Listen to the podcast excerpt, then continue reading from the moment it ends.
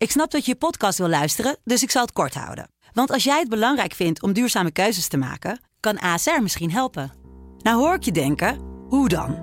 Nou, bijvoorbeeld bij het duurzaam herstellen van schade. Of de premies die we beleggen volgens ons duurzaam beleggingsbeleid. Dat bepaalt waar we wel en juist niet in investeren. Wil je meer weten over welke duurzame keuzes ASR maakt? Ga dan naar asr.nl/slash duurzame keuzes. ASR doet het. Zo, dan kan je nu lekker naar je podcast luisteren.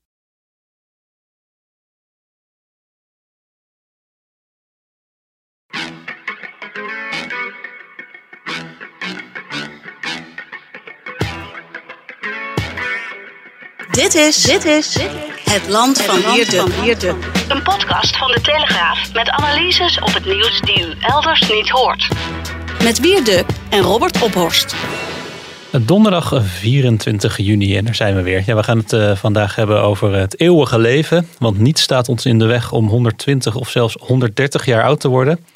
Uh, we gaan het hebben over uh, de Friezen. Want die zijn niet alleen tegen Zwarte Piet demonstranten uh, ze zijn ook tegen een ambitieus plan om een kwart miljoen woningen te bouwen in het noorden. Maar waarom eigenlijk? En wie zich kritisch uitlaat over de zegeningen van vaccinaties, die loopt zomaar het risico om van YouTube of Facebook te worden gegooid.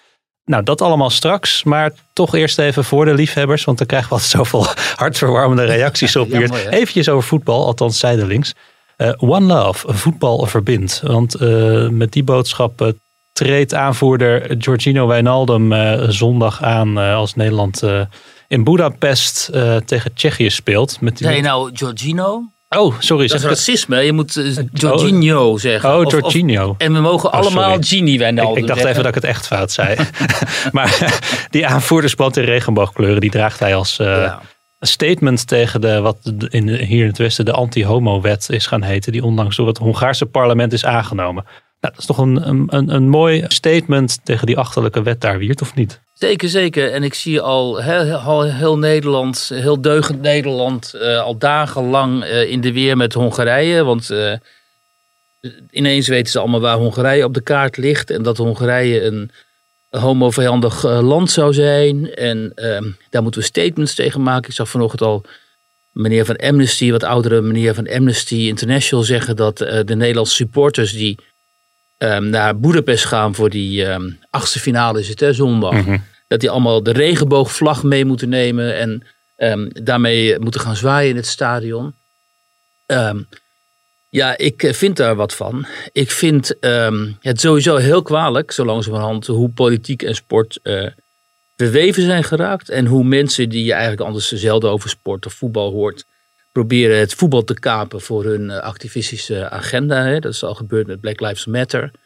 En het gebeurt nu met, die, uh, met deze anti-homo-wet, wat niet per se een anti-homo-wet is. Want in de wet staat dat er aan minderjarigen geen propaganda mag worden gemaakt over homoseksualiteit en over uh, transgenderisme. Mm -hmm. ja. Maar goed, wat, wat, wat, wat wel en niet onder propaganda valt, is natuurlijk een politieke discussie. Precies. Maar um, wat ik dus vooral kwalijk vind, is dat je nu dus sporters die op dit moment. Um, er zitten twee aspecten aan. Een moreel aspect en een puur sportaspect. Het sportaspect is dat je, je, je wordt topsport bedreven. En die jongens die moeten geconcentreerd en gefocust blijven op wat ze doen.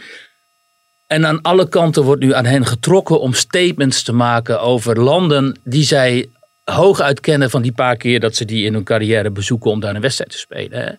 Je kunt niet van voetballers verwachten dat zij weten wat de politieke cultuur is van Hongarije.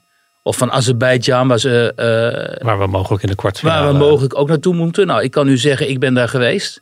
Hè, als homo wil je niet uh, je auto in de straten van uh, Baku, laat het zo zeggen. Dus ik ben heel benieuwd wat Ginny Wijnaldum dan daar weer voor statement moet gaan maken. En volgend jaar gaat men naar Qatar, als we ons plaatsen voor het WK voetbal. Daar is homo homofilie, zoals dat vroeger heette, homoseksualiteit is daar strafbaar. Dus wat gaan we dan doen? Dus je schept die jongens, je schept die jongens op met een probleem dat niet het hunne is. Hun problemen zijn persoonlijk racisme, wat ze, hè, wat ze zeker in landen als Engeland, maar ook in het Oostblok vaak ervaren. Dus jonge, donkere jongens als Wijnaldum en Depay en anderen, die worden vaak genoeg met racistische uitingen bejegend vanaf de tribunes. Nou ja, ik, zelfs dit EK zou Mbappé toch door Hongaarse supporters ja. zijn uh, uitgejouwd met oerwoudgeluiden. Ja, precies. Dat gebeurt dan regelmatig. Eh, en eh, dat donkere, donkere manen binnen die voetbalwereld van homoseksualiteit. Omdat niet één voetballer durft uit te komen, zoals afgelopen weken wel een American voetbalspeler heeft ja. gedaan. Voor het feit dat hij homoseksueel is. Terwijl er lopen natuurlijk gewoon genoeg homo's eh, rond in het, eh, in het voetbal. Dat zijn hun problemen. Maar om hen dan te gaan opzadelen met een, eh, met een project, hè, want dat is het natuurlijk, van de Europese Unie, dat, die het niet kan verdragen. Want de Europese Unie, Hongarije is daar lid van, die kan het niet verdragen dat er leden zijn die zogenaamd niet de progressieve waarden van Brussel onderschrijven. En dat zijn dan landen als Polen en Hongarije. Dat zijn conservatieve landen. Eh, Polen bijvoorbeeld is gewoon zwaar katholiek. Daar hebben ze hele andere opvattingen over het huwelijk, over gezin, over familie, over eh, homoseksualiteit, over transgenderisme. Dan de opvattingen die heersen in de, West, in de West-Europese politieke elite. Want die opvattingen die in die D66-achtige elite, om het zo maar samen te vatten, het establishment hè, van politiek, media, cultuur, ondernemers, de opvattingen die daar heersen, eh, die heersen ook helemaal niet per se binnen een heel groot deel van onze samenleving. Alleen in, eh, de mensen in Nederland die eh, kritische kanttekeningen zouden willen plaatsen bij dit soort acties hè, tegen die homowet in eh, Hongarije, die houden hun mond dicht. Omdat ze weten van daar, kom je, daar raak je niet. Het is onaanraakbaar geworden. Hè? Kritiek op de emancipatie van homoseksualiteit of transgenderisme is nu de, de vooruitgeschoven pion van dat project.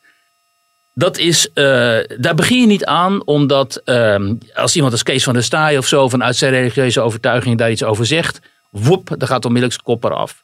Ehm, overigens, als iemand uit de islamitische beweging daar iets over, uit de islamitische gemeenschap daar iets over zegt, dan treedt men dat soort mensen toch meestal wat welwillender tegemoet, want die moeten kennelijk nog, van hen kunnen we kennelijk niet verwachten dat zij net zo geëmancipeerd zouden zijn als wij. En dan ga je, dat is de slangenkuil. Eh, En die hebben we vaak genoeg over gehad hier in de podcast. En eh, de slangenkuil waarin je kunt begeven als je dus een, een, een mening huldigt.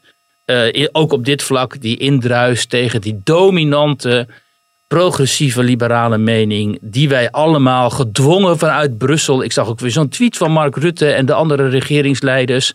eh, waarin ze zich heel deugdzaam uiten jegens Hongarije. Dat Hongarije geen plaats is, plaats is voor haat en intolerantie en homofobie. In de gemeenschap van waarden die de Europese Unie dan zou moeten zijn in, in hun ogen. Ehm, ja, dat zijn heel makkelijk te plaatsen tweets. Want je weet van ja, daar krijg je geen gedonder mee.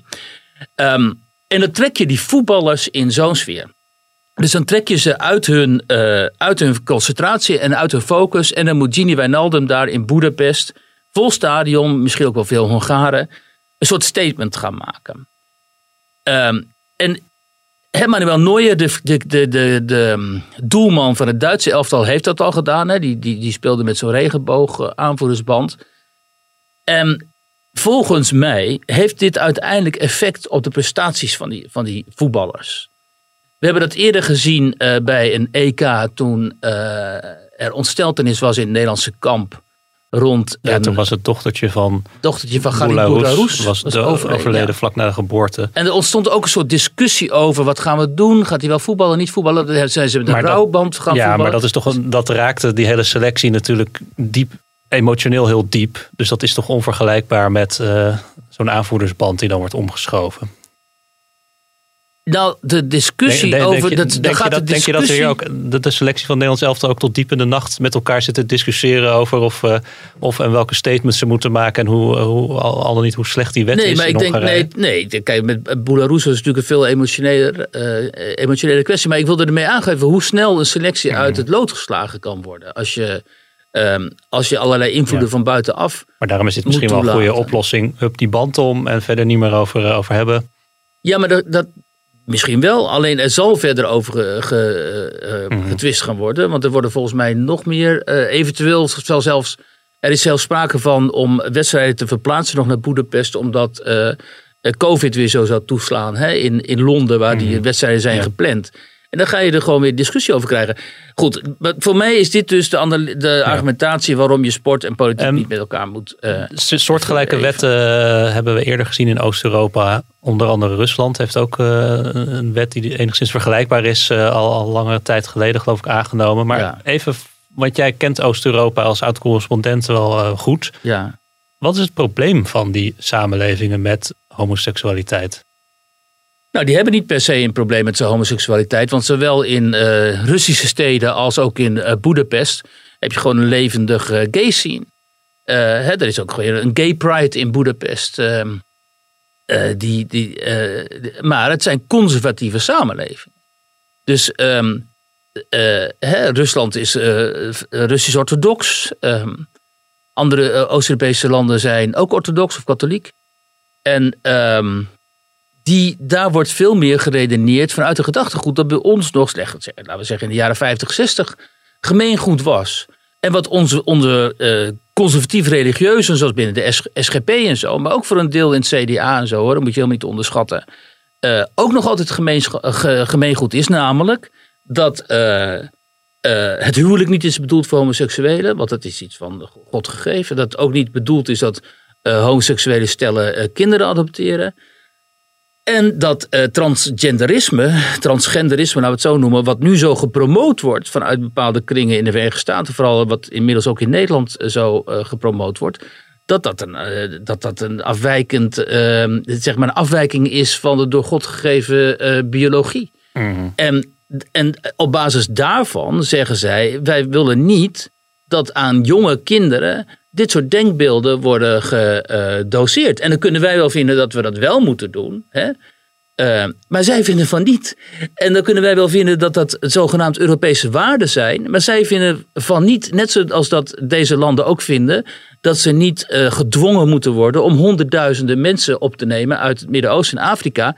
Die nota bene, zoals wij wel doen, die nota bene over homoseksualiteit en over vrouwen nog veel rabiatere denkbeelden hebben vaak dan Hongaren of uh, Polen. En daarom is het in mijn ogen ook allemaal zo hypocriet. We gaan dus vingerwijzen naar Orbán en Hongarije. En hè, die Orbán, daar kun je van alles over vinden. Hè, over de, de corruptie daar en over het autoritarisme daar en zo. Maar ja, we hebben het hier wel over gekozen leiders. Hè. Ik bedoel, Hongarije is nog altijd, als Hongarije een dictatuur was, waren ze geen lid meer van de Europese Unie.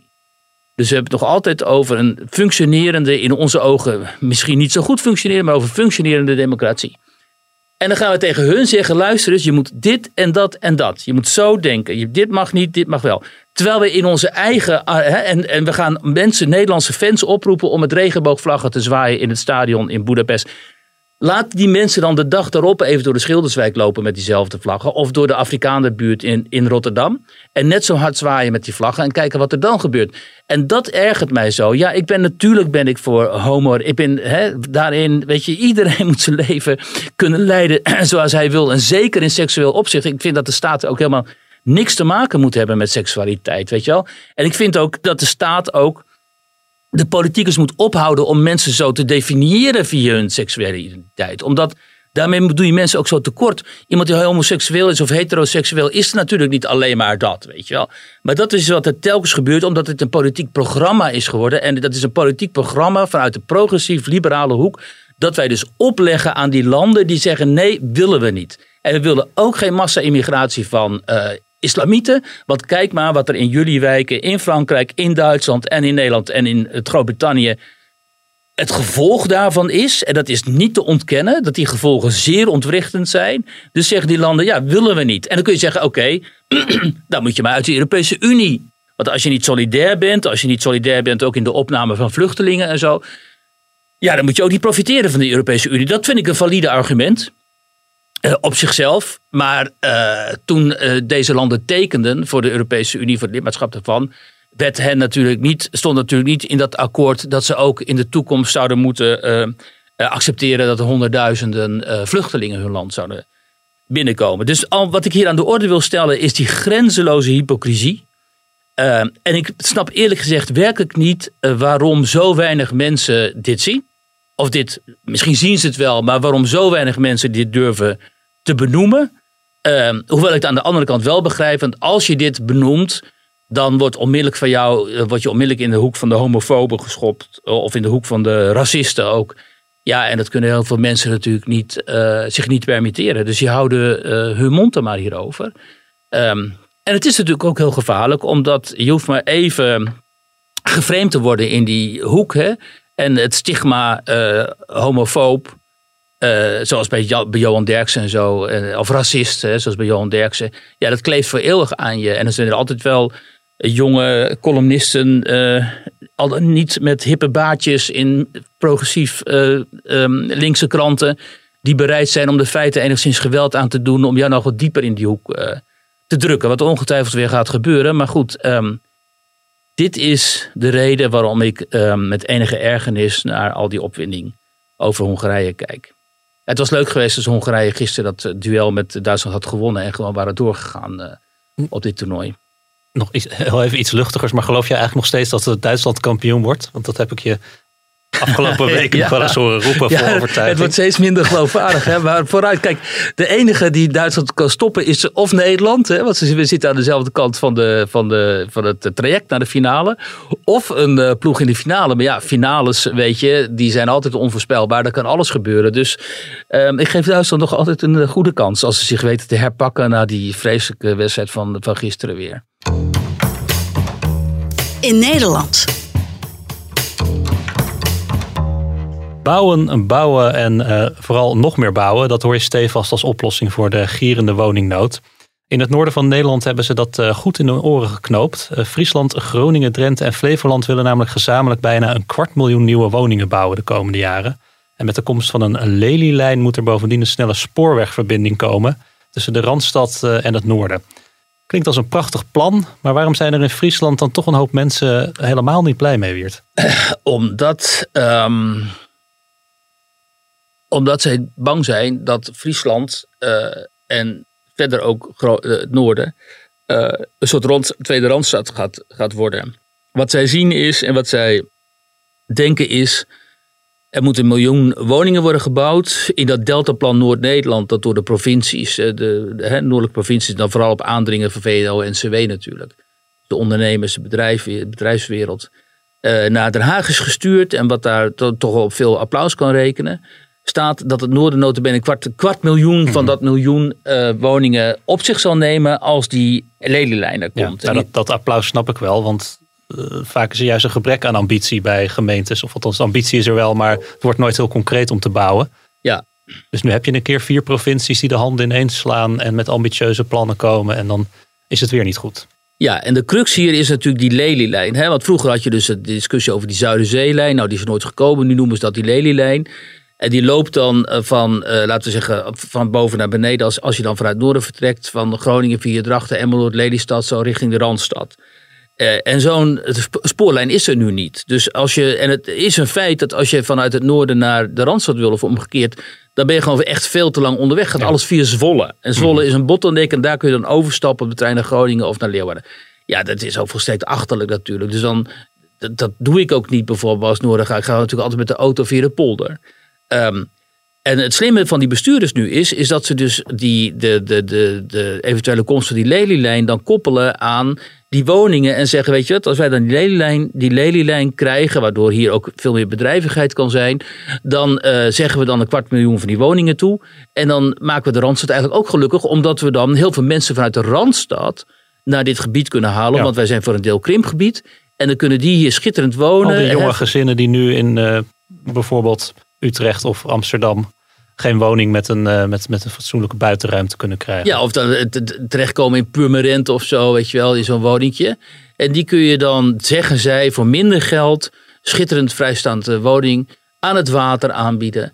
En uh, kijk eens dan, uh, dat is ook goed voor onze demografie. Mhm. Want onze kinderen die trekken weg. Uh, dus we ontgroenen, zoals het heette. Ja. Uh, en we vergrijzen tegelijkertijd, dus we krimpen. Dus we moeten wel iets doen. Maar deze tegenstanders, die zeggen nu... luister eens, onze belangrijkste asset... hier om eens maar, maar eens in het jargon te blijven... dat is die natuur, dat is die ruimtelijkheid... dat is die meanskip, dus die gemeenschapszin onderling... Um, je hebt die Friese paradox waar ze op wijzen. Dat is dat Friese weliswaar armer zijn dan uh, andere Nederlanders, maar een stuk gelukkiger. Nou, elke keer als ik in Friesland ben, dan begrijp ik heel goed waarom dat is. En ik, ik zie het ook gewoon, zoals die mensen hè, met elkaar omgaan. Dat is gewoon, een, misschien niet in Leeuwarden of andere grote steden, maar op platteland is gewoon één gemeenschap. En zeggen zij, um, wij willen niet, ehm, eh, en niet meer industrialisering. Dus eigenlijk willen wij hier niet helemaal echt veel meer bedrijvigheid. Maar we willen ook niet een enorme import vanuit die Randstad omdat eh, we nu al zien, dat is, heb ik niet in de krant geschreven, maar dat vertelden ze mij wel. Dat bijvoorbeeld buren die daar zijn komen wonen uit Amsterdam of elders. Ja, die zoeken helemaal geen contact. Die klagen over de boeren die daar de mest uitrijden, want dat stinkt of het is te vroeg en ze maken lawaai. En dan gaan ze handhaving bellen in plaats van even naar die buren te gaan te zeggen, kan dit ook anders en zo. Dus dat, dat, daar verandert dan al iets in die mentaliteit. Hè? Nou, daar ze, en, en wat hen helemaal niet zint, vinden zij, dat is dat dit met hen niet is overlegd. Die meneer die ik, Henk de Vries, die ik sprak van de regionale natuurclubs. Die zegt, eh, ja, ik zit toch echt in allerlei overlegorganen met allerlei natuur- en milieuclubs. En opeens lag hij bij ons op tafel en we schrokken ons het leplazers. Want dit hadden we helemaal niet zien aankomen. Dus het, het mooie aan dit verhaal eigenlijk, als je een beetje naar het metaniveau trekt, is dat wat je hier ziet regionaal, is precies wat je ook landelijk ziet. Namelijk de bestuurders en de ondernemers en de politici, hè, allemaal van D66, VVD, noem maar op, natuurlijk die klassieke partijen, totaal onthecht zijn eigenlijk van wat er leeft in, in, in, zo'n regio onder de, onder de mensen. Ehm, eh, en samen met mensen die dan eh, hoger opgeleid zijn, hè, de, de anywheres zoals we dat noemen, en die op hen stemmen en zo, zo'n zo'n plan eh, gaan opstellen en zichzelf daar enorm mee verteren. Want kijk eens aan, hè, we hebben ook, krijgen ook belangstelling vanuit Den Haag en het komt allemaal goed. Terwijl ze vergeten die somewheres, dus de mensen die echt geworteld zijn daar in zo'n regio. En, eh, en, en zich daar goed voelen ook. En prima vinden, hoe, zoals leven nu gaat. Helemaal vergeten mee te nemen in die vaart ter volgeren. En dat zei ook de eh, VVD-gedeputeerde tegen mij, Havine Fokkens, wat overigens verder een, ontzettend aardige vrouw is en zo, niks op aan te merken. Ehm, van ja, we moeten nu dus in, toch wel inspraakavonden gaan organiseren, want we moeten nu toch eens in discussie. Terwijl het plan ligt al bij de formatie, weet je. Zo Ik moest daar ook wel een beetje om lachen, maar die, die, die hele inspraakavonden en, en, en bewonerspanels, dat is natuurlijk ook vaak wel een wat een wassen neus. Dat zie je Precies, bij bijvoorbeeld ja. bij dat dossier windmolens. Dat er dan eh, wel allerlei inspraakgelegenheden worden georganiseerd, maar onderaan de streep komen die molens er toch. Ze komen En- er altijd. Ze komen er altijd, weet je. En dat, en dat, en kijk, ehm, dit is één casus, hè. Maar, het is- maakt het ook wel lastig natuurlijk, want ik, ik snap het ook wel. Eh, kijk, ik woon dan in, in, in, in in de stad in Haarlem, maar ik kan me heel goed. Ik wil ook niet een eh, heel hoog gebouw eh, in mijn eh, grenzend aan mijn balkon, zeg maar, waar je tegenaan kijkt. Het is- Niemand wil natuurlijk als je het vraagt. Wilt u dat hier in uw achtertuin eh 10.000 woningen bijkomen, dat uw uitzicht verandert? Als je over een mooi weiland uitkijkt, Ja. zoals die mensen in Friesland. Natuurlijk wil je dat niet. Dus als je het aan de mensen zelf vraagt, ja, kom je dan Ben ooit... jij wel eens, rijd jij wel eens van. ehm, ik ben nu naar Friesland gereden via de afsluitdijk. Hè, en normaal ge- ge- gesproken rijd ik naar het noorden via de polder. Ehm, dat is één en al windmolen. Ja. en al windturbine. Als je over die afsluitdijk komt, dan heb je zo'n windmolenpark van iets van 100 windturbines of zo. Het is, ziet er niet uit. Het is gewoon, het is, het is pure, het is gewoon crimineel. Het is pure milieu- eh, horizonvervuiling. En over twintig jaar of zo, dan zijn die dingen afgedankt en dan staan ze daar, eh, weet je wel, stil te staan. En dus het is gewoon een soort, het is werkelijk een soort psychose waarin we terecht zijn gekomen met die zonnevelden en zo, die, die gewoon de, de grond vervuilen. En, en die windmolens. En dat zien die mensen natuurlijk, weet je wel. Die zien over, in Friesland ook, het is gewoon onherkenbaar veranderd. Je ziet overal die, die ellende. En, en dan denken ze, we hebben dus al die, die, die ellende, wat jij net schetst, van, eh, hè, van die, van die eh, windmolens. En dan komen er ook nog eens een keer allerlei eh, woningen bij. Gewoon stedelijke wijken eigenlijk, hè, complete wijken, die dan in, hun, in hun ogen, want dat denken zij, in die natuur zullen worden gebouwd. Terwijl iemand als Avine Fokkers zegt, ja, we willen het vooral binnenstedelijk oplossen. Hè. Het zijn iets van 45.000 extra woningen dan voor Friesland. En zij zegt, die willen we dan vooral in die steden. Dus eh, nou, hebben je daar Leeuwarden, Sneek, eh Dokkum. Nou ja, Dokkum is niet eens een stad, maar volgens mij is Leeuwarden Drachten. Dat, dat heeft wel een beetje gehad natuurlijk. Maar goed, het gaat om iets anders uiteindelijk. Eh, het gaat om wat zij ook zeggen. eh, het dédain waarmee naar ons wordt gekeken. Weet je wel? Alsof wij een soort... eh, als wij op de rem willen trappen, dan, dan tellen we niet mee. Want dan zijn we die, die tokkies die geen vooruitgang willen. Een van die ehm, gesprekspartners die, die vertelde over ehm, ex-Kamerlid, ehm eh, ehm, Fries Kamerlid die nu gedeputeerde is. En eigenlijk, een beetje eh, belangrijk, belangrijk is daar in het provinciehuis. Want ja, eh, ex-Kamerlid en zo. En die had die anekdote ooit gebezigd over Friese. Friese zijn net suikerbrood. Of de Friese mentaliteit is net suikerbrood. Ze komen nooit de grenzen over en ze veranderen nooit. Weet je wel? Nou, als je dan zo naar je eigen mensen kijkt. Dat zijn jouw kiezers. Hè? Als je zo naar je eigen mensen kijkt. Die Sigrid Kaag, zeg maar, dédain voor wie zijn die mensen. Ja, dan kun je natuurlijk eh, de donder op zeggen dat die mensen met de hakken in het zand gaan staan. En dit is niet alleen natuurlijk Friesland. Hè. Dit, dit is precies het probleem van eh, Nederland. Dat zagen we gisteren ook in die debatten in de Tweede Kamer. Die clashes tussen Wilders en, eh, hoe heet ze, Sigrid Kaag. Ehm, Wie is die vrouw? wie, wie is die vrouw?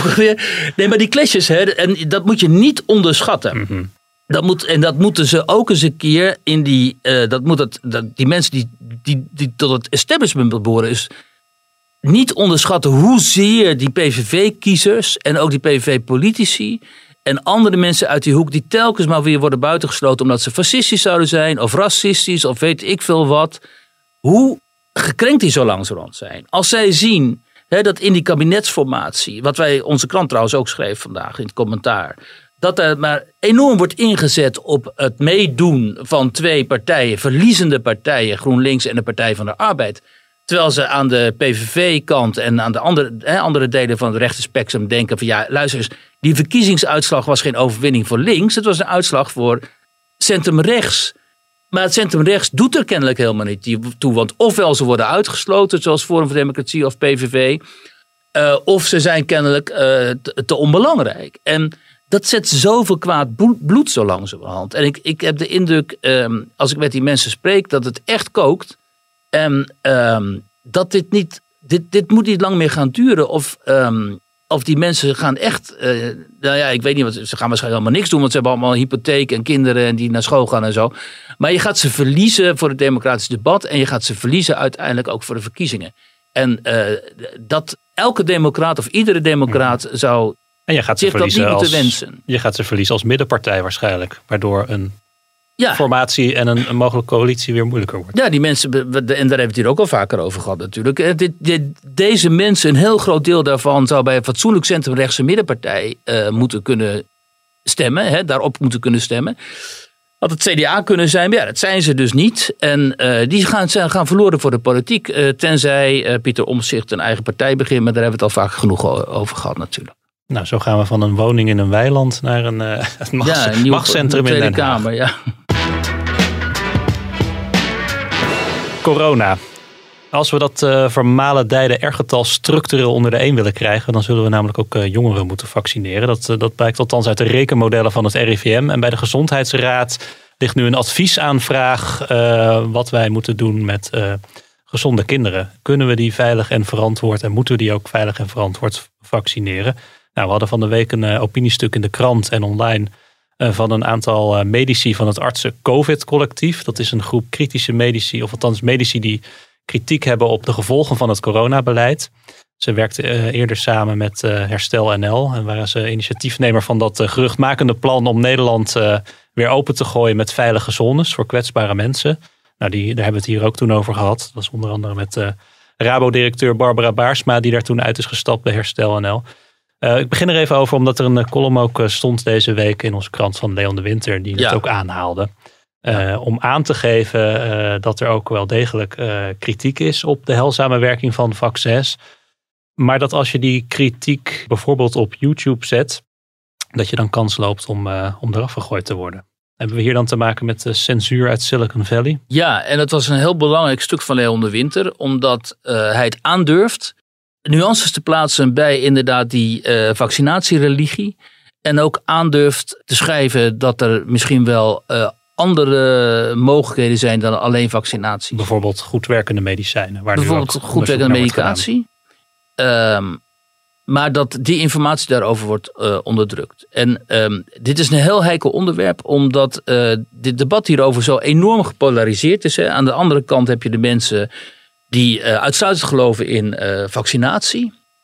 Hè, ehm, Hugo de Jonge is er één van. Die, die weet verder natuurlijk helemaal niet zoveel over medicatie en allerlei wetenschappelijke onderzoeken die zijn gedaan en zo. Maar elke hint naar de gedachte dat misschien virus. eh, antivirale middelen wel zouden kunnen helpen, die doet hij af als uh, kwakzalverij. Hè? Zodra er weer een motie in de Kamer wordt ingediend over ivermectine zo, of hydroxychloroquine in het begin, dan zegt hij, oh, dat is een kwakzalvermotie. Daar gaan we natuurlijk niet mee met dit enorme dédain wat hij kan hebben. Kijk, dat Hugo de Jonge dat doet, dat is eh, voor zijn rekening. Maar uh, die alternatieve informatie, zeg maar, over uh, eventuele preventie vooral van zware, ernstige COVID die is door eh, Facebook en, ehm, en, en, Google en YouTube en zo en andere van dat soort grote techbedrijven ook onderdrukt geraakt. En dat is natuurlijk heel kwalijk, omdat um, daarmee onthoud je dus je, je publiek voor een heel groot deel misschien wel hele belangrijke informatie. En Leon is daar uh, al vanaf het begin eigenlijk mee bezig geweest. Hè, wat is graag uh, contrair. En dat is maar goed ook, want het levert mooie columns op. Zelf is hij overigens wel een, uh, een voorstander van vaccinaties voor zichzelf. Want hij heeft heel goed, dat schrijft hij ook in bijna elke column. Hè, dat hij zelf tot de risicogroep behoort. Hij heeft ook al één prik gehad van AstraZeneca. Ja. Want 50 plus en wat, wat onderliggende medische dingen. Dus hij, is, hij, ziet, hij onderkent absoluut het, het belang ervan. Ja, hij heeft daar dezelfde mening als ik. Dat je inderdaad, als je ouder bent en tot de risicogroep behoort, zo, dat het beter is om je te laten vaccineren. Want dat is altijd, altijd beter dan wanneer je COVID krijgt en op de intensive care terechtkomt. Wat voor mensen met onderliggend lijden een hele grote kans is. Um, maar hij, hij, heeft dus vraagtekens bij onder andere vaccinatie van jonge kinderen. En dat heb ik ook. Ik heb ook een zoontje en ik zou het ook niet fijn vinden als hij gevaccineerd zou moeten worden. Omdat je gewoon niet weet, wat Leon ook schrijft we laten ons vaccineren, maar we weten gewoon niet zeker wat de lange termijn gevolgen daarvan zullen zijn. En dan kun je wel, hè, mijn, mijn broer is specialist, medisch specialist, en dan kan ik wel bij hen te raden gaan. En zeggen, ja, broer toch ook eens een keer uitnodigen hier, want die komt toch, toch vaak te nou sprake. Die gelooft, die zegt, wat doe je moeilijk over? En, en dan staan we met de broer van Pim CD voor de, voor de luisteraars van de voetbalpodcast. Ja, die heeft nee, ook altijd zo'n illustere broer. Kijk, hij is klankbord, het medisch klankbord. En ja. uh, specialist, die zegt, wat doe je nou moeilijk over? Schitterende vaccins, joh, wat doe je moeilijk over? En uh, hij heeft er lang zelf twee gehad, geen enkele bijwerking ook, in tegenstelling tot mij. En die gelooft er gewoon heilig in, weet je wel. Van, ja, ja, dat, ik vind, het al, vind dit allemaal gezeur. Ja. Um, wat dan ook wel weer goed is voor zijn patiënten, omdat hij dat gezag op hen overdraagt, denk ik. Maar goed, um, uh, dus het is heel moeilijk om die discussie te voeren op een intelligente manier, zonder dat jij ofwel uh, uh, in, die, in die wappiehoek wordt gedrukt van mhm. mensen die denken dat ze met een chip worden ingespoten, of um, uh, vanuit de hoek van de Hugo de Jonge-achtigen, zeg maar, die enorme shitstorm over je heen, eh, heen krijgt, dat je kwakzalvers uh, ondersteunt. En, maar het aantal, daar wijst Leon de Winter ook op, het aantal medici en, en gewoon specialisten, zo langzamerhand, dat wel degelijk uh, vraagtekens heeft bij de vaccins, maar ook bij de, de kwestie of er niet allerlei, misschien medicijnen zijn onderdrukt uh, omdat ze te goedkoop zijn. Hè? Dat ivermectine, de hydroxychloroquine en zo. Zijn hele goedkope medicijnen. Terwijl er komen nu pillen aan tegen COVID. Wel miljarden in zijn uh, gestoken. Hè? Uh, in, in het onderzoek en zo. En ook in die vaccins is natuurlijk miljarden gestoken. Dus die moeten gewoon, dat is dan hun, dat zeg ik niet, maar dat is hun lijn van redeneren. Die moeten aan de man worden gebracht. Want er moet geld aan worden verdiend. Nou, we weten niet of dat zo is. Zelfs die meneer um, die uh, ook door uh, Corey, die uh, specialist, die ivermectine, um, ik noem het maar zo, want ik ken alleen, de, ik heb eerlijk gezegd nooit iemand de Nederlandse uitspraak gehoord. Eh, ik hoor alleen maar ivermectin. Omdat het niet mag van de Ik denk omdat zelfs dat niet giganten. mag. Ja, precies. dus die geven maar een eigen draai aan. Maar um, uh, Leon de Winter die, die, die citeert dan ook die meneer Corey... die dan uitgebreid in een podcast hierover gesproken heeft. En die zegt letterlijk van ja kijk... Er zijn inderdaad niet voldoende peer-reviewed uh, onderzoeken. En peer-review betekent dat collega's dan hebben gekeken naar zo'n onderzoek en het ook op waarde hebben geschat en hebben ingeschat of bekeken wat klopt het allemaal. Er zijn nog niet uh, voldoende peer-reviewed onderzoeken die erop duiden dat deze antivirale inderdaad uiteindelijk uh, een goed effect, positief effect hebben. Want ze zijn, die onderzoeken zijn ofwel nog te klein of nog uh, te vers. Maar uiteindelijk zegt dit, het enorme aantal ervan duidt erop dat dit middel wel degelijk kan werken of wel degelijk werkt. En in mijn eigen praktijk, zegt hij, die Corey, heb ik er gewoon hele goede eh, hele goede resultaten mee. Ik heb hele goede ervaringen hiermee. Zeker ook als het gaat om long-covid. Dus mensen die eh, de lange termijn gevolgen van covid ondergaan. Vermoeidheid, geen energie, noem maar op. Die behandelt hij er ook mee. En dan heeft dat gewoon goede gevolgen. Nou, dat zijn toch dingen, om dit dan af te ronden. Dit zijn toch dingen waarvan je zou verwachten dat en media hier induiken. Eh, en deze mensen aan het woord laten. En eh, die ook op de sociale media vrijelijk geuit zouden mogen, moeten mogen worden. Zonder dat Mark Zuckerberg, of hoe heet die gasten van YouTube en zo. eh, ingrijpen en zeggen: ja, maar dit gaan we censureren. En kijk, in Nederland wijst iemand als Thierry Baudet hier erg op. Van, die, Wiebren van Haga heeft hier ook veel op gewezen. En dan mag je toch ver- verwachten van, ook van onze, van de regering en zo.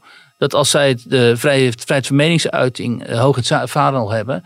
Dat zij hier ook kritisch op zijn. Ook zeggen, ja, we zijn het misschien niet mee eens. Of we vinden deze conclusies eh, voorbarig. Maar het mag natuurlijk niet zo zijn dat dit eh, gecensureerd wordt.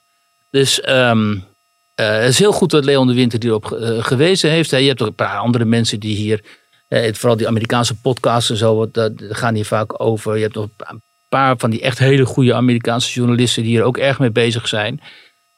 En als je daar dan veel over leest of je luistert daar veel naar, dan schiet af en toe, dan zakt de moet je toch wel in de schoenen hoor. Over hoezeer eh, die censuur eh, op dit punt, hoe heftig die is. En dat zegt eh, iemand in een van die podcasts ook. Van ik heb dit afgelopen coronajaar toch wel, zijn mij heel veel schellen van de ogen gevallen.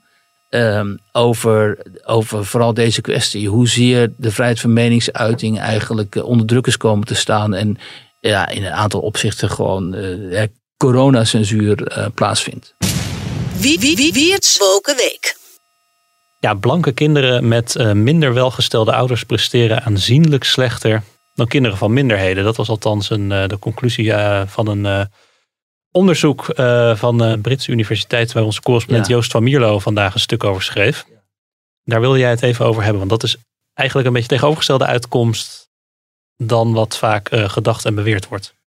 Eh, ja, in die hele eh, woke cultuur, zeg maar, zijn, eh, hebben blanken altijd een privilege. En dat privilege zetten ze altijd in tegen, ten koste van minderheden. Heel veel mensen onderschatten dat nog steeds, maar die woke cultuur heeft dus echt gewoon zich eh, heel veel gebieden van in onze samenleving eigen gemaakt. Dus onderwijsinstellingen, eh, politiek, eh, media. Maar het goede is, eh, en in Nederland is dat zeker het geval, maar het goede is dat nu in de Verenigde Staten en ook in het Verenigd Koninkrijk een backlash ontstaat van mensen die zeggen, ja maar luister eens even, dit hele rassendenken, kritische rassentheorie, want daar komt het uit voort. Dat is zo splijtend en dat is zo vernietigend eh, voor de samenlevingen, hè, voor het samenleven. Eh, daar moeten we eigenlijk daar moeten we veel kritischer op zijn. En dat moeten we helemaal niet toelaten. Dus we gaan zelfs stemmen op om ook de critical race theory eh, te verbieden in, het, eh, in het onderwijs. Nou, zolang, zover zijn wij in Nederland nog lang niet, want Nederland loopt altijd enorm achter de feiten aan.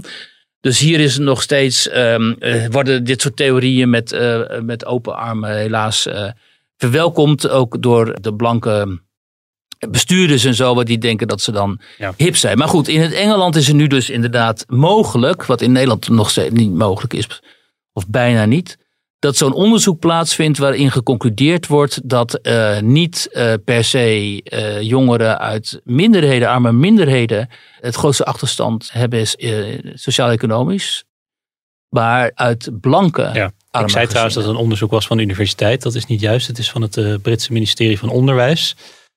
Engeland is natuurlijk ook wel echt een klassenmaatschappij eh puur sang. Dus in die zin verbaast het misschien ook weer niet of minder. Nou, wat misschien het meest verbazend is, is dat dit überhaupt op deze manier gepresenteerd wordt. En dat, dat het mogelijk is nu om dit eh, aan de orde te stellen. Want, het- en vooral ook dat dit door Labour geagenteerd wordt. Dus Labour dat uit, eigenlijk een enorme woke partij is. Een soort kruising van B1 en de SP, zo kun je het wel een beetje schetsen. Die heeft ook inmiddels, moet even kijken hoor. Ja, het was eh, een voormalig Labour-minister ja, die zei van dit, dit onderzoek is eigenlijk reden om te stoppen met die term geprivilegeerde Blanke. blanken. Ja. Ja. Dat was David Blunkett, die zegt in de Daily Mail... inderdaad, het is hoog tijd nu om afscheid te nemen van die term geprivilegeerde blanken. Want hieruit blijkt immers dat die blanken, de arme blanke kinderen... helemaal niet zo geprivilegeerd zijn. En dit sluit aan bij onderzoek dat Josse de Voogd... de sociaal geograaf in Nederland heeft uitgevoerd en waar hij heel veel kritiek op krijgt. Juist ook vanuit die woke beweging. Hij zegt, we nemen altijd voetstoots aan dat kinderen uit uh, minderheden, uh, uit de armere wijken, die dan ook nog uh, behoren tot migrantenmilieu, dat die het meeste achtergesteld zijn. Maar hij zegt ook inderdaad, je hebt ook tegenstellingen tussen stad en platteland, tussen kinderen van hoogopgeleide ouders en laagopgeleide ouders. Ja, maar het interessante aan het onderzoek van Josse is dan dat hij zegt, kijk eens, als je kijkt naar Amsterdam bijvoorbeeld, als je naar het schooladvies krijgt, dan krijgen blanke kinderen vanuit die bakfietsmoeders mentaliteit en zo, die ouders die zitten er bovenop, die willen dat hun kinderen een hoog schooladvies krijgen, die krijgen een relatief te hoog schooladvies. Maar doordat zij dat krijgen, trekken zij die groepen, die kinderen uit die minderheidsgroepen mee. Die krijgen ook vaak een te hoog schooladvies. Wat hoger is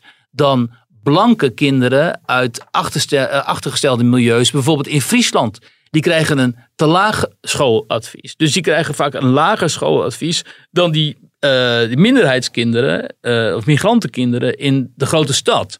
Maar als je, Josse zegt ook, maar als je dit aan de orde stelt, ja, dan, dan moet je zoveel muren, moet je echt door muren heen om dit überhaupt op de agenda te krijgen. Omdat je het, en, en je wordt niet geloofd en het is natuurlijk niet inclusief en divers genoeg. Het past helemaal niet in het dominante discours op dit moment dat uh, de kinderen van, uh, of dat migrantenmilieus altijd slachtoffer zijn en de dominante blanke milieus altijd uh, dader. En dat heeft hem ook voor een deel overigens zijn carrière gekost, want hij komt gewoon in de universiteiten niet, niet aan bod. Maar het is heel goed dat nu vanuit, vanuit het Verenigd Koninkrijk dit soort geluiden gewoon in een mainstream komen. Want het is heel belangrijk dat dit mainstream ook bekend wordt bij mensen.